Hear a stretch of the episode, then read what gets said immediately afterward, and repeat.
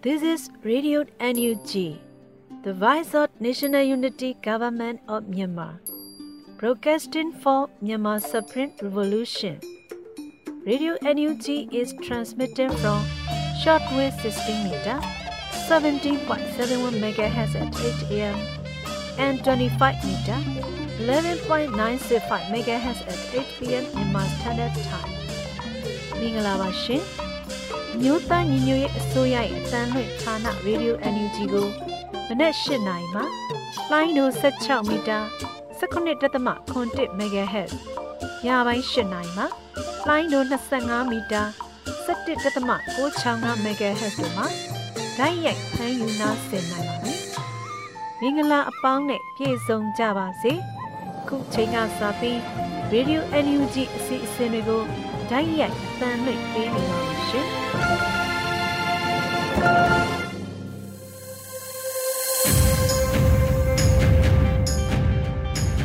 မြန်မာနိုင်ငံသူနိုင်ငံသားအပေါင်းတဘာဝပြီးစစ်အာဏာရှင်ဘေးတို့ကနေကင်းဝေးပြီးကိုစိတ်နှပါကြမ်းမှလုံခြုံကြပါစေလို့အန်ယူဂျီဖွဲ့သားများကဆုတောင်းမေတ္တာပို့သလိုက်ရပါတယ်ရှင်။အခုချိန်မှစပြီးကာကွယ်ဝိညာဉ်ဌာနမှထုတ်ပြန်သောစစ်ရေးတရေအကျဉ်းချုပ်ကိုတင်ဆက်ပေးမှာဖြစ်ပါတယ်ရှင်။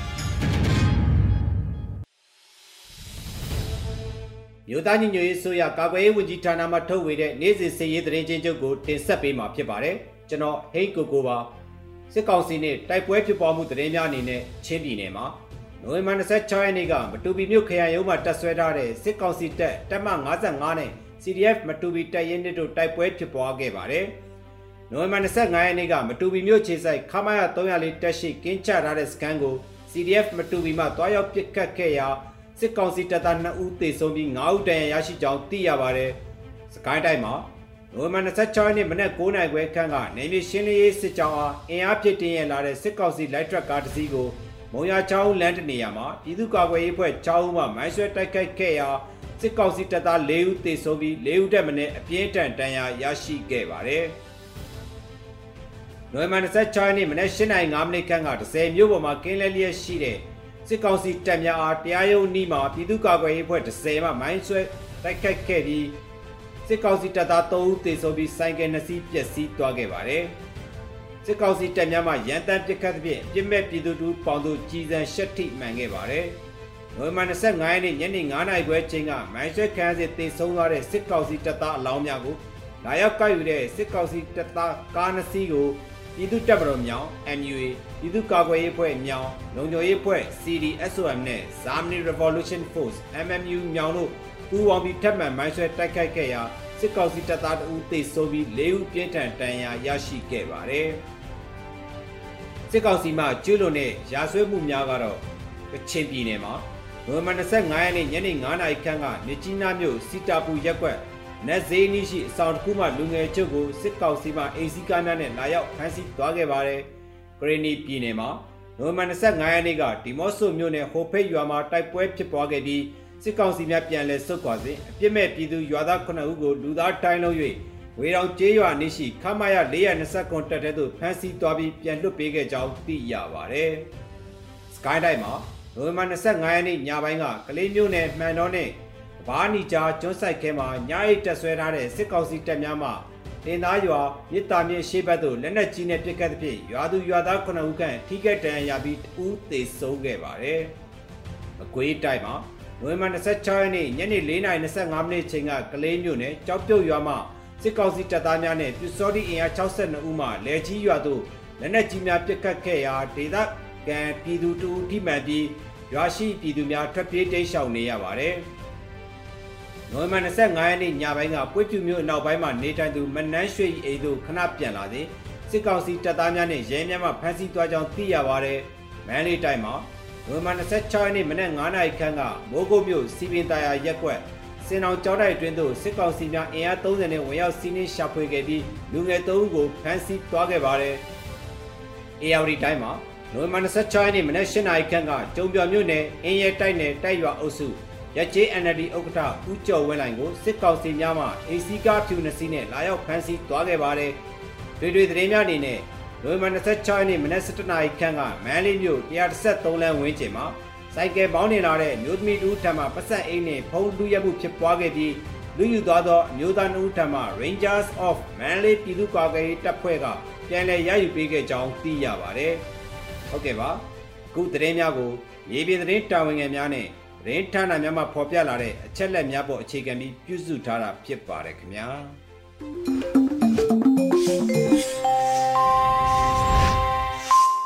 ရေဒီယိုအန်ယူဂျီမှာဆက်လက်အသံလွှင့်နေပါတယ်။အခုဆက်လက်ပြီးပြည်တွင်းသတင်းများကိုຫນွေဦးမှုမှတင်ဆက်ပေးမှာဖြစ်ပါတယ်ရှင်။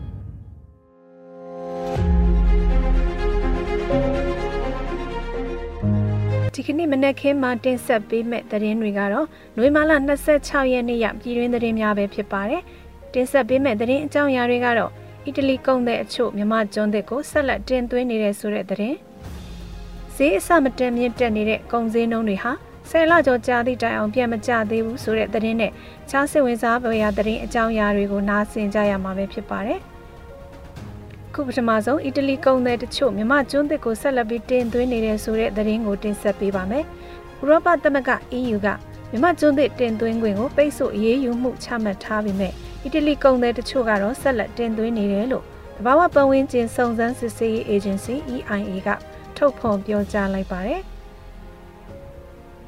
ယူရိုငွေ2တန်းကျော်တန်ကြီးရှိတဲ့ကျွန်းသစ်တန်ချိန်300ကျော်ကအီတလီနိုင်ငံကိုရောက်ရှိနေပြီး ပြီးခဲ့တဲ့ဇွန်လမှာတော့ပိတ်ဆို့ရေးယူမှုတွေပြုလုပ်ခဲ့ပေမဲ့လို့မြမကျွန်းသစ်တွေဥရောပကိုတင်သွင်းမှုဟာဆိုးရွားလာနေတယ်လို့ Super Yacht News ကရေးပါတယ်။အီတလီကုန်သည်တွေဟာပြီးခဲ့တဲ့ March, April နဲ့ May လတို့မှာမြမတက်တော်ထွက်ကုန်တွေကို American Dollar 1.4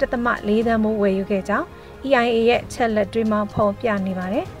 February အပြောင်းလဲနောက်ပိုင်းမြန်မာနိုင်ငံအပေါ်ပြီးပရဲ့စီးပွားရေးပိတ်ဆို့ရေးယူမှုတွေစတင်အသက်ဝင်လာခဲ့ပြီးထူးသဖြင့်ကျွန်းသစ်ရောင်းဝယ်ရေးမှာအဓိကတာဝန်ရှိတဲ့မြန်မာတစ်လုပ်ငန်း MT အပေါ်ပိတ်ဆို့မှုတွေပြုလုပ်ခဲ့ပါတယ်။ EIN ကမြန်မာမှကျွန်းသစ်များတရားမဝင်တင်သွင်းနေတဲ့အီတလီကုန်သည်တွေအနေနဲ့ EU ကချမှတ်ထားတဲ့ဥပဒေတွေရှိနေပေမဲ့လည်းဘယ်လိုမှောင်ခိုတင်သွင်းနေလဲဆိုတဲ့အစီရင်ခံစာကိုပြီးခဲ့တဲ့စက်တင်ဘာလမှာပထမဆုံးတင်ပြခဲ့ပါတယ်။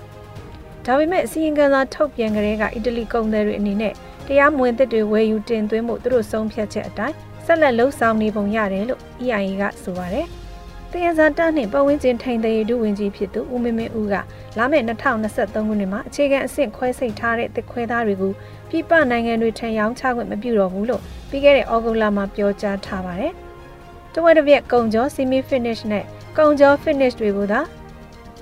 ပြည်ပတင်ပို့ခွင့်ပြုတာကို 2023ခုနှစ်ဇန်နဝါရီ1ရက်နေ့မှာစတင်ကျင့်သုံးဆောင်ရွက်သွားမယ်လို့သူကဆိုပါတယ်။စီးပွားရေးနဲ့ကုသရေးဝေးဝန်ကြီးဌာန MOC ရဲ့အချက်အလက်တွေအရပြီးခဲ့တဲ့2019-2020ဘဏ္ဍာနှစ်မှာသတော်ရပစ္စည်းတင်ပို့မှုက American Dollar 154.36တန်ရရှိခဲ့တယ်လို့သိရပါတယ်ရှင်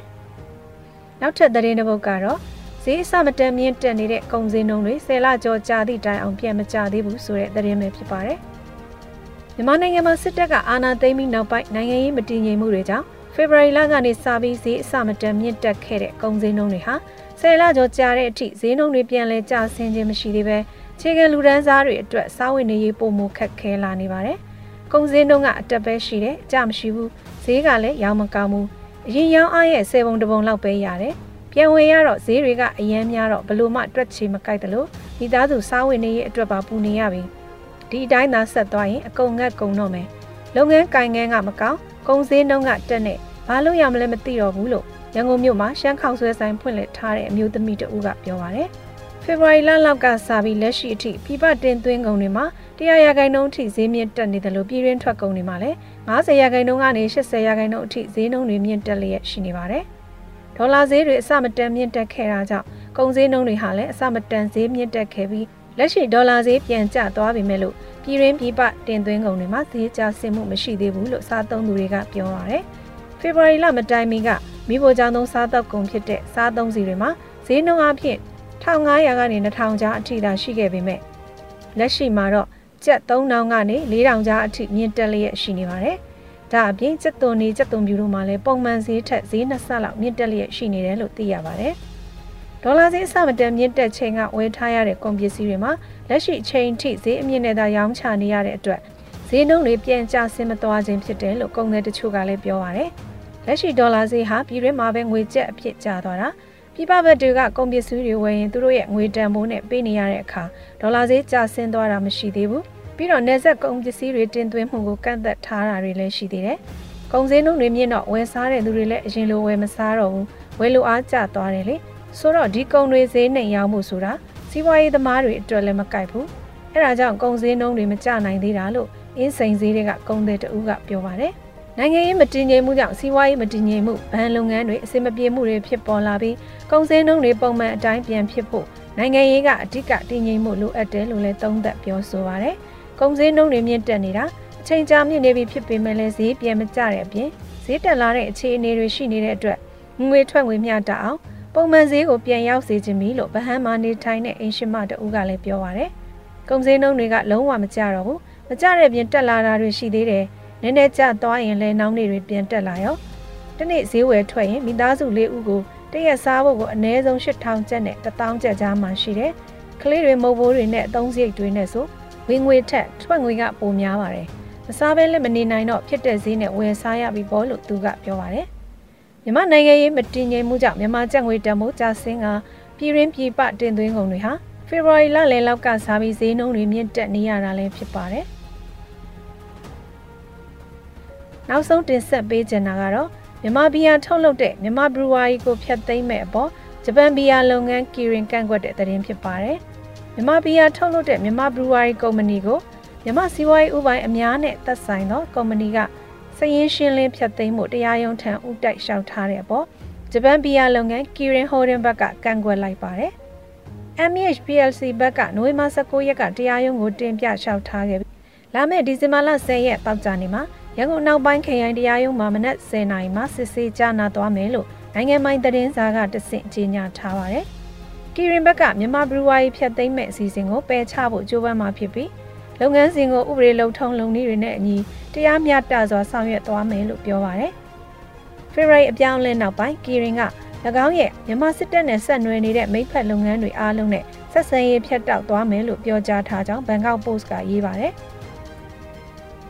MHPLC နဲ့ဖက်ဆက်လုပ်ကိုင်နေမှုကိုရပ်ဆိုင်းမှုညှိနှိုင်းခဲ့ပေမဲ့ Kirin Holding ရဲ့အမှုဆောင်ရရှိတွေကမြမဈေးကွက်မှာဆက်လက်ပါဝင်လိုကြောင်းပြောကြားခဲ့တယ်လို့သတင်းမှာဖော်ပြထားပါတယ်။ MHPLC ကစစ်ဆက်ညှိနှိုင်းမှုတွေမှာပူးပေါင်းဆောင်ရွက်ခြင်းမရှိဘဲ ကျွန်ုပ်တို့ရဲ့အဆိုပြုချက်တွေကိုပယ်ချခဲ့တယ်လို့ Kirin ရဲ့ထုတ်ပြန်ချက်မှာဖော်ပြထားပါတယ်။မြမ Brewery ကုမ္ပဏီကို MECL နဲ့ Kirin Holding တို့ကဖက်ဆက်ပိုင်းဆိုင်တာဖြစ်ပြီးလွန်ခဲ့တဲ့2015ခုနှစ်မှာကန်ဒေါ်လာ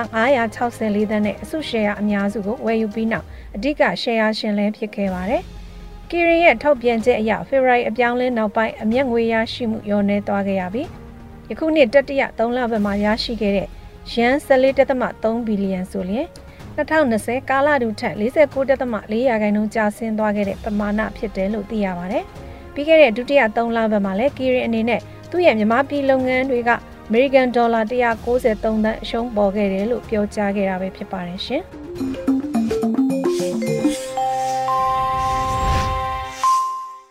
Radio NUG မှာဆက်လက်အသံလွှင့်နေပါတယ်။အခုဆက်လက်ပြီးတေဂီတာအစီအစဉ်လေးနဲ့တေးရီ National နဲ့ တေးဆို PDF ရဲဘော်များရဲ့ပြည်သူရဲဘော်ဆိုတဲ့ဒေသချင်းကိုနာတော်တာဆင်မှာပဲဖြစ်ပါရှင်။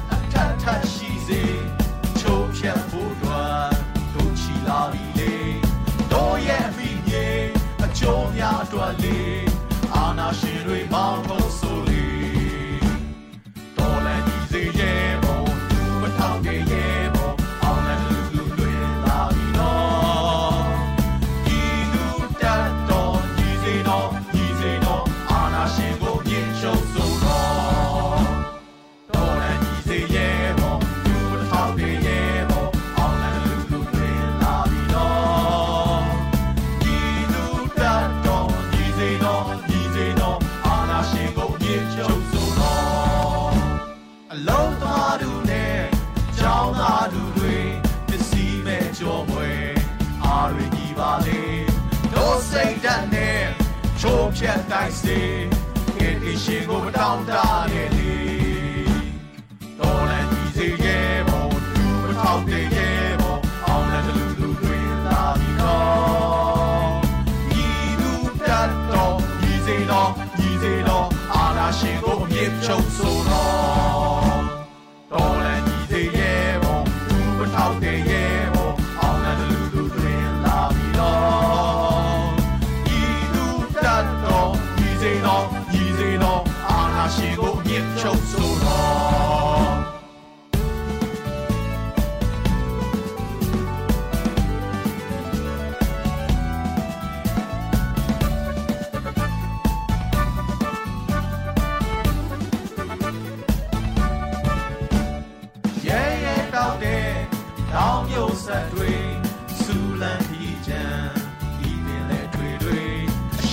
ရှုံးမပေးရှေ့ဆက်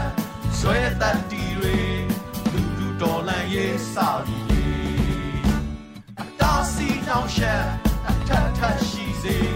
ချိုးဖြတ်ဖို့တော့တို့ချီလာပြီ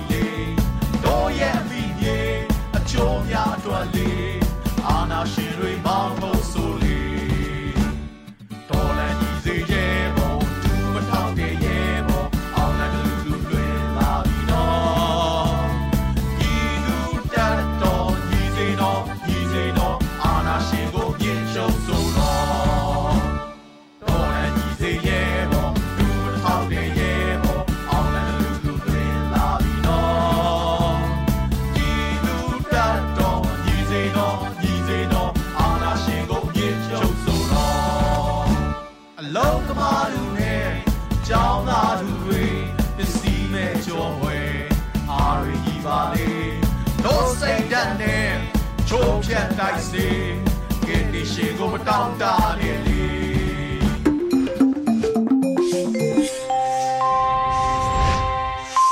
ရေဒီယို NUG မှာဆက်လက်အသံလွှင့်နေပါတယ်။အခုဆက်လက်ပြီးပြည်သူတိုက်ပွဲသတင်းများကိုမင်းနိုင်ရွေဦးမှတင်ဆက်ပေးမှာဖြစ်ပါတယ်ရှင်။ပ ထမအဦးဆုံးအနေနဲ့ရန်ကုန်တလမြို့နယ်ရှိမော်ဆက်ရောက်ကပ်အုပ်ချုပ်ရေးရုံးဘုံကခံရပြီးတနက်ဖြစ်ပစ်ခံရတာမန္တလေးမြမစီးပွားရေးဗန်နစ်ကိုလည်းဘုံဖြစ်ပစ်ခတ်ခံရတာညောင်တွေမိုင်းခွဲခံရပြီးစစ်သား9ဦးသေဆုံးတာစတဲ့သတင်းတွေကိုတင်ဆက်ပေးမှာပါရန်ကုန်တိုင်းတလမြို့နယ်ရှိမော်ဆက်ရောက်ကပ်အုပ်ချုပ်ရေးမှူးရုံးနဲ့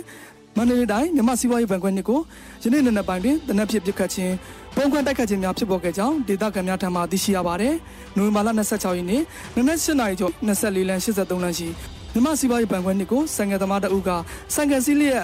ဘုံဖြစ်ပစ်ခတ်သွားခြင်းဖြစ်ကြောင်းသိရှိရပါတယ်။အလားတူရန်ကုန်တိုင်းဒလမြို့နယ်မော်ဆက်ရက်ကွက်မော်ဆက်လန်းရှိရက်ကွက်အုပ်ချုပ်မှုရုံးကိုနိုဝင်ဘာလ26ရက်နနက်4:45မိနစ်အချိန်လက်ပစ်ဘုံဖြစ်ပစ်ခြင်းတနက်ဖြန်ပစ်ခတ်ခြင်းများလှုပ်ဆောင်ကြောင်းသိရှိရပါတယ်။အလားတူစကိုင်းတိုင်းမြောင်မြို့နယ်တွင်နိုဝင်ဘာလ25ရက်နေ့ပြည်သူ့တပ်မတော်မြောင် MUA နှလုံးလှလူမိုက်ကြီးများအဖွဲ့ မြောင်မြို့နယ်ပြည်သူ့ကာကွယ်ရေးနှင့်လုံခြုံရေးအဖွဲ့ CDSON အမျိုးသမီးပျောက်ကြားစစ်သည်တော်များအဖွဲ့မြောင် M2W နှင့်မြောင် Special People Defense Force MSPDF တို့အတူပူးပေါင်းပြီးစစ်ကောင်စီတပ်များကိုမိုင်းခွဲတိုက်ခတ်ခဲ့ရာ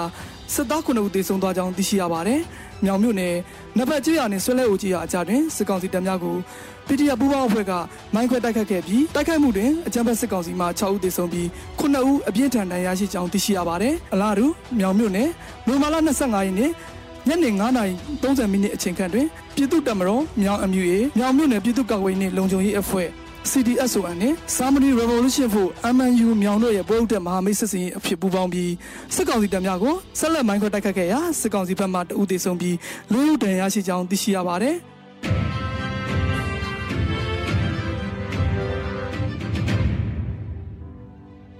ဆက်လက်ပြီးမတူရီအခြေဆိုင်ခလာရ300လေးတက်ရင်ကင်စကန်အားချင်းတပ်ဖွဲ့ဝင်ဝင်တိုက်ကစစ်သား2ဦးသေဆုံးပြီး9ဦးတက်မနဲ့တန်ရရှိတဲ့တဲ့တင်ကိုတင်ဆက်ပေးမှာပါ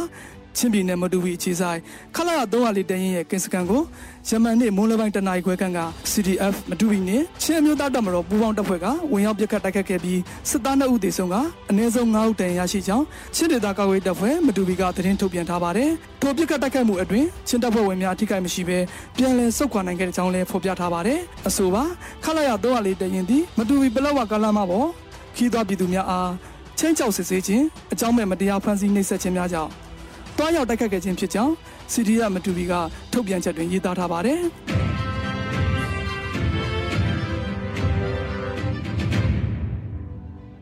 ဆက်လက်ပြီးကဏီဘူးတလင်အဆက်တွင်ခဏီ PDF တပ်ဖွဲ့နှင့်စစ်ကောင်စီတပ်များတိုက်ပွဲဖြစ်ပွားပြီးစစ်ကောင်စီတပ်ကဆဲဥဒမနဲ့တေဆုံးကပဲ့မိနေသော PDF များကိုကယ်ထုတ်နိုင်ခဲ့တဲ့သတင်းကိုတင်ဆက်ပေးမှာပါ။စကိုင်းတိုင်းကလီမြို့နယ်နဲ့ဘူးတလင်မြို့နယ်အဆက်တွင် ကဏီပြည်သူ့ကာကွယ်တပ်ဖွဲ့ KPTF 1 နဲ့အကြမ်းဖက်စစ်ကောင်စီတပ်ကြားယမန်နှစ်တွင်တိုက်ပွဲများဖြစ်ပွားပြီးစစ်ကောင်စီတပ်ကဆဲဥဒမနဲ့တေဆုံးက PDF တအုပ်မစိုးရင်တန်ရရှိကစစ်ကောင်စီတပ်ကပြစ်ခတ်သောလက်နက်ကြီးများထိမှန်ပြီးဒေသခံရွာသား9ဦးတန်ရရှိကြောင်း KPTF 1 ထံမှသိရှိရပါတယ်။ယမန်နေ့နိုဝင်ဘာလ25ရက်နေ့တွင်ကဏီဘူးတလင်အဆက်တွင်နေကြလာတဲ့စစ်ကောင်စီတပ်ဖွဲ့ကို KPTF 1 ကစောင့်ကြိုတိုက်ခတ်ချခဲ့ခြင်းဖြစ်ကြောင်းတိုက်ပွဲချိန်ကြာလာပြီး တပ်ဖွဲ့ဝင်အချို့ပိတ်မိခဲ့ကြောင်းတပ်ဖွဲ့ဝင်အချို့ပိတ်မိနေခဲ့ကြောင်းမဟာမိတ်တပ်ဖွဲ့များအကူအညီဖြင့်အောင်မြင်စွာကယ်ထုတ်နိုင်ခဲ့ကြောင်း၎င်းကဆက်လက်ပြောဆိုခဲ့ပါတယ်။ချင်းနှမြကန်နေပိတ်မိနေခဲ့သောကနေပြည်သူ့ကာကွယ်တပ်ဖွဲ့ဝင်အချို့ပြန်လည်ဆုတ်ခွာနိုင်ရန်အတွက်ညောင်ရမပြည်သူ့ကာကွယ်တပ်ဖွဲ့ရင်မပင်ရွှေတိကန်တရင်ကဏီမြို့နယ်ဒေသကာကွယ်တပ်ဖွဲ့များကပူးပေါင်းပြီးလက်နက်ကြီးပစ်ကူများပစ်ခတ်ခဲ့ကြောင်းညောင်ရမပြည်သူ့ကာကွယ်တပ်ဖွဲ့ကထုတ်ပြန်ထားပါတယ်။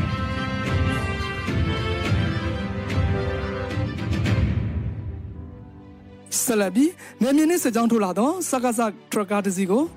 ချောင်းမြို့နယ်ပြည်သူ့ကာကွယ်တပ်ဖွဲ့ကမိုင်းခွဲတိုက်ခိုက်ကစကားစတပ်သား၄ဦးသေဆုံးခဲ့တဲ့တဲ့တင်ကိုတင်ဆက်ပေးမှာပါ။နိုမာလာ26ရက်နေ့ဒီကနေ့နံနက်ပိုင်း9နာရီမိနစ်30အချိန်ခန့်ကချောင်းမြို့နယ်တွင်နေမြင့်နဲ့စစ်ကြောင်းထိုးလာတော့စကားစ3လိုက်ထရကာတစီကိုချောင်းမြို့နယ်ပြည်သူ့ကာကွယ်တပ်ဖွဲ့ CAUPDF တပ်ဖွဲ့ကမိုင်းခွဲတိုက်ခိုက်ခဲ့တယ်လို့သိရပါတယ်။ထိုတိုက်ခိုက်မှုတွင်စကားစကလုံးဝပျက်စီးသွားပြီးစကားစတပ်သား၄ဦးသေဆုံးပြီး လေးဦးအပြင်းထန်ဒဏ်ရာရှိတယ်လို့ချောင်း PDF ကထုတ်ပြန်ထားပါတယ်။ချောင်းမြို့နယ်ပြည်သူ့ကာကွယ်တပ်ဖွဲ့အနေနဲ့စစ်အာဏာရှင်ကိုအပြင်းထန်ခုခံတော်လှန်နေတဲ့အဖွဲ့တစ်ဖွဲ့ဖြစ်ပြီးနိုဝင်ဘာလ23ရက်နေ့တွင်ပြည်သူ့ရဲဘော်တအူးတော်လှန်ရေးတွင်ပါဝင်ပြည်သူ့အတွက်တပေးခဲ့ရတယ်လို့လည်းသိရပါတယ်။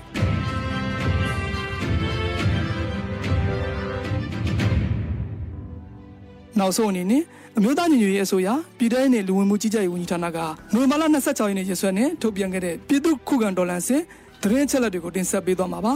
အာနာသိန်းအကြမ်းဖက်စစ်အုပ်စု၏ပြည်သူလူထုအပေါ်အကြမ်းဖက်ဖိနှိပ်ဖန်စီတိုက်ခတ်တပ်ဖြတ်နေမှုများကိုပြည်သူလူထုတရက်လုံးကအသက်ရှင်နိုင်ရေးအတွက်မိမိကိုယ်ကိုမိမိခုခံကာကွယ်ပိုင်ခွင့်အရာပြည်သူခုခံစဉ် People Defense ဝါကိုဆင်နွှဲလျက်ရှိပါတယ်သတင်းအချက်လက်များအရာ25ရက်17လ2021ရက်နေ့တွင်စစ်ကောင်စီတပ်ဖွဲ့ဝင်34ဦးသေဆုံးပြီးထိခိုက်ဒဏ်ရာရှိသူ46ဦးအထိခုခံတိုက်ခိုက်နိုင်ခဲ့ပါတယ်။အာဏာရှင်စနစ်မြမမျိုးပေါ်မှာအပြစ်ဒဏ်ချုပ်ရေးနဲ့ ဖက်ဒရယ်ဒီမိုကရေစီတည်ဆောက်ရေးအတွက်ငင်းချမ်းသာဆန္ဒပြသည့်လူလူတပိတ်တိုက်ပွဲများကပြည်내နဲ့တိုင်းဒေသကြီးများမှာဖြစ်ပွားပေါ်ပေါက်လျက်ရှိပါတယ်။မြေပြင်မှာယခုတွေ့ရှိနေရတဲ့သတင်းချက်လက်များတဲ့ပုံမှုဖြစ်ပွားနိုင်ပါတယ်ခင်ဗျာ။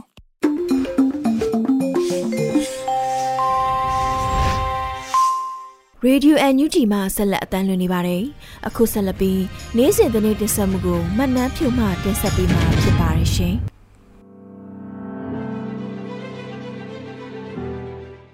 အခုပထမဆုံးအနေနဲ့အမျိုးသားညီညွတ်ရေးအစိုးရက CDN တွေကိုဖိနှိပ်မှုပြုလုပ်နေတဲ့ non CDN အရာရှိဝန်ထမ်း38ဦးကိုအမြင့်ပြတ်စီရင်သွင်းပြီးရာထုကထုတ်ပယ်လိုက်တဲ့တဲ့တင်ကိုတင်ဆက်ပေးချင်ပါတယ်။အမျိုးသားညီညွတ်ရေးအစိုးရက CDN တွေကိုဖိနှိပ်မှုပြုလုပ်နေတဲ့တသနာရေးနဲ့ယဉ်ကျေးမှုဝန်ကြီးဌာနကနန် CDN ဝန်ထမ်းညွှန်ကြားရေးမှူးနဲ့အထက်အရာရှိ38ဦးကိုအမြင့်ပြတ်စည်ရင်တွင်ပြီး ရထုကထုတ်ပယ်လိုက်တယ်လို့ပြည်ထောင်စုဝန်ကြီးမဝင်းခိုင်တန်းအမိန့်နဲ့ထုတ်ပြန်လိုက်ပါတယ်။အမြင့်ပြတ်စည်ရင်နဲ့ရထုကထုတ်ပယ်ခံလိုက်ရတဲ့သူတွေဟာ CDN ဝန်ထမ်းတွေကိုဖိအားပေးတာချိတ်ချောက်တာရထုကထုတ်ပယ်တာတရားစွဲတာပြန်ဆက်ရမလို့တော့တဲ့ချင်းဝင်တွေကိုအတင်းအဓမ္မပြန်လည်ပေးဆောင်ခိုင်းတာအဆရှိတဲ့ဖိနှိပ်မှုအမျိုးမျိုးကိုလက်ဆောင်နေတာဖြစ်တဲ့အတွက်ကြောင့်လို့တည်င်းထုတ်ပြန်ချက်မှာဖော်ပြထားပါတယ်။ထုတ်ပယ်ခံရသူတွေက စစ်ဟောင်းသူဒေသနာနဲ့အမျိုးသားပြတ်တိုက်ဦးစီးဌာနကညွှန်ကြားရေးမှူးချုပ်ဒုတိယညွှန်ကြားရေးမှူးချုပ်၃ယောက်နဲ့နေပြည်တော်ရန်ကုန်မန္တလေးပဲခူးရခိုင်တောင်ကြီးနဲ့ပကံဌာနတွေကညွှန်ကြားရေးမှူး15ဦးတို့ဖြစ်ပါတယ်။ဒါအပြင်ဒီဌာနကညွှန်ကြားရေးမှူးကျောင်းအုပ်ကြီးတာဝန်ထားသူလည်းပါဝင်ပါတယ်။အနုပညာဦးစီးဌာနကအမြင့်ပြတ်စည်ရင်နဲ့ရာထူးထုတ်ပယ်ခံရသူ9ဦးရှိပြီးညွှန်ကြားရေးမှူးချုပ်ဒုတိယညွှန်ကြားရေးမှူးချုပ်နဲ့ညွှန်ကြားရေးမှူးတော်ရတို့ပါ။ တမိုင်းသူတည်တနာနဲ့အမျိုးသားစာကြည့်တိုက်ဦးစီးဌာနကအမြင့်ပြတ်စည်ရင်နဲ့ရာထူးထုတ်ပယ်ခံရသူ9ဦးအထိရှိပြီးတော့ညွှန်ကြားရေးမှူးချုပ်ဒုတိယညွှန်ကြားရေးမှူးချုပ်ညွှန်ကြားရေးမှူး9ဦးတို့ဖြစ်ပါတယ်။သာသနာရေးဝန်ကြီးဌာနရဲ့ဝန်ကြီးချုပ်ရင်ကျေးမှုဌာနကအမြင့်ပြတ်စည်ရင်နဲ့ရာထူးထုတ်ပယ်ခံရသူ6ဦးရှိပြီးတော့ဒုညွန်ကြားရေးမှူးချုပ်နဲ့ညွန်ကြားရေးမှူး9ဦးတို့ဖြစ်ပါတယ်။ အအမျိုးသားညီညွတ်ရေးအစိုးရဝန်ကြီးချုပ်ရုံးအနေနဲ့လည်းအော်တိုဘာလမှစတင်ပြီးအမက်အာဏာဖီဆန်ရေးလှုပ်ရှားမှု CDM မှာပါဝင်ခဲ့ကြတဲ့ဝန်ကြီးဌာနမဖွဲ့ရသေးတဲ့ဌာနအသီးသီးကနိုင်ငံဝန်ထမ်းသူရဲကောင်းတွေရဲ့လူမှုဖူလုံရေးလှုပ်ချုပ်ပေးခြင်းရေးနဲ့ဖိအားကင်းစင်ရေးတို့အတွက်အလေးထားဆောင်ရွက်နေတယ်လို့လည်းဆိုထားပါတယ်။ ဆက်လက်ပြီးအကြံဖတ်စစ်ကောင်စီကဒုဗိုလ်ချုပ်ကြီးရာထူးယူထားသူနှစ်ဦးကိုအငိမ့်စားပေးလိုက်တဲ့တဲ့တင်ကိုတင်ဆက်ပေးခြင်းပါတယ်။အကြံဖတ်စစ်ကောင်စီကစစ်တပ်မှဒုဗိုလ်ချုပ်ကြီးရာထူးယူထားပြီးငင်းချမ်းရေးဆွေးနွေးမှုကော်မတီမှပါဝင်တဲ့သူနှစ်ဦးကိုအငိမ့်စားပေးလိုက်တယ်လို့ BBC သတင်းဌာနကဖော်ပြထားပါတယ်။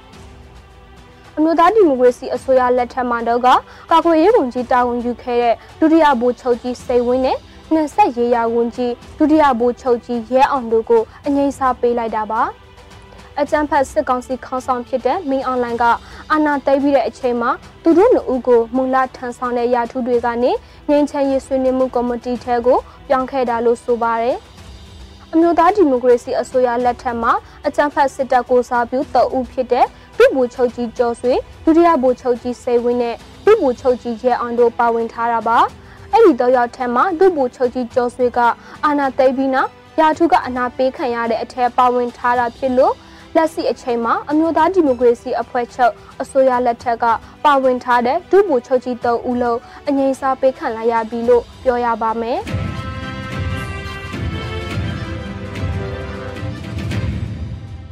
ဆန္ဒပြလူငယ်တွေကိုရိုက်နှက်ဖမ်းဆီးမှုဖြစ်စဉ်ဖြစ်ပျက်ခဲ့တဲ့မြန်မာပလာဇာကိုလူထုတန်ခတ်မှုတွေဆလှုပ်လာပြီးအကြံဖတ်စစ်ကောင်စီကလည်းလှုပ်ချွေရေးတင်ကြစွာချထားတဲ့တဲ့င်းကိုဆက်လက်တင်ဆက်ပေးချင်ပါတယ်။မြန်မာပလာဇာမှာရှီအာနာစင်ဆက်ကျင်ရေးဆန္ဒပြတဲ့လူငယ်တွေကိုပလာဇာလှုပ်ချွေရေးငုံထမ်းတွေကထိုးကျိတ်ဖမ်းဆီးတာတွေလုပ်ခဲ့တာကြောင့်ပြည်သူလူထုတွေကတပည့်မောင်ဆန့်ကျင်တာတွေကိုပုံစံမျိုးစုံနဲ့ပြုလုပ်ခဲ့ကြပါတယ်။ နိုဝင်ဘာ25ရက်နေ့ညနေပိုင်းကငိန်ချမ်းစာဆန္ဒပြတဲ့ဆန္ဒပြလူငယ်တွေကိုထိုးကျိတ်ဖမ်းဆီးခဲ့လို့ဒဏ်ရာရတဲ့လူငယ်အချို့ရှိခဲ့ပါတယ်။ဒါပေမဲ့လူငယ်တွေကရုပ်ကန်ထွက်ပြေးခဲ့တာကြောင့်အဖမ်းတော့မခံခဲ့ရပါဘူး။ဒီလိုပလာဇာလုံချုံရေးကုန်ထမ်းတွေကိုအများပြည်သူသိရှိလိုက်တဲ့အချိန်မှာတော့အဲ့ဒီလိုလောက်ရက်ကိုပြင်းပြင်းထန်ထန်ဆုတ်ချက်ဝေဖန်တာတွေအပြင်မြန်မာပလာဇာနဲ့ပတ်သက်တဲ့တပိတ်မောင်စံကျင်မှုတွေကိုအဲ့ဒီမှာရှိတဲ့ဆိုင်ခန်းရှင်တွေအပါအဝင် ပြည်သူလူထုတွေကလှုပ်ဆောင်ခဲ့ကြပါတယ်။မြန်မာပလာရှာမှာဖွင့်လှစ်ထားတဲ့ဆိုင်အချို့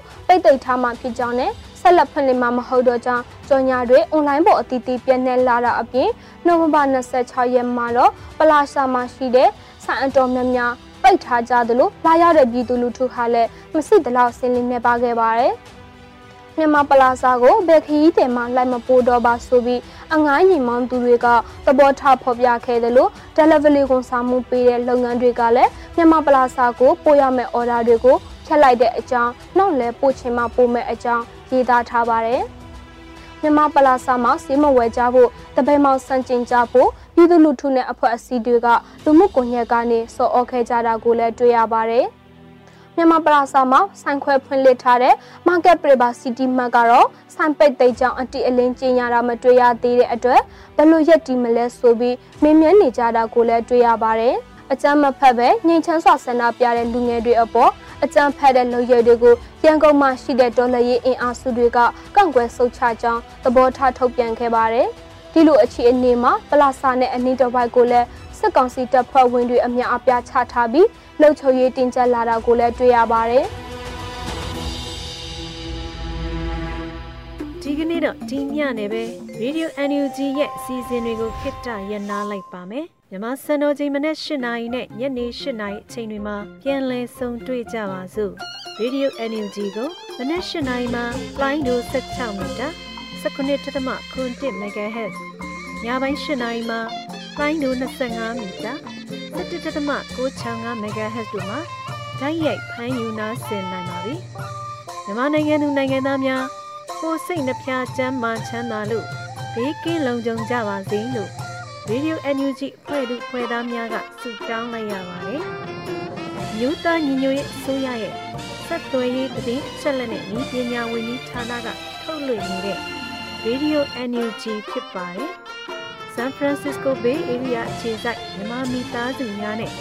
နိုင်ငံတကာကစေတနာရှင်များလုံအားပေးများရဲ့ Radio NUG ဖြစ်ပါတယ်။ရှေးတော်ပုံအောင်ရမည်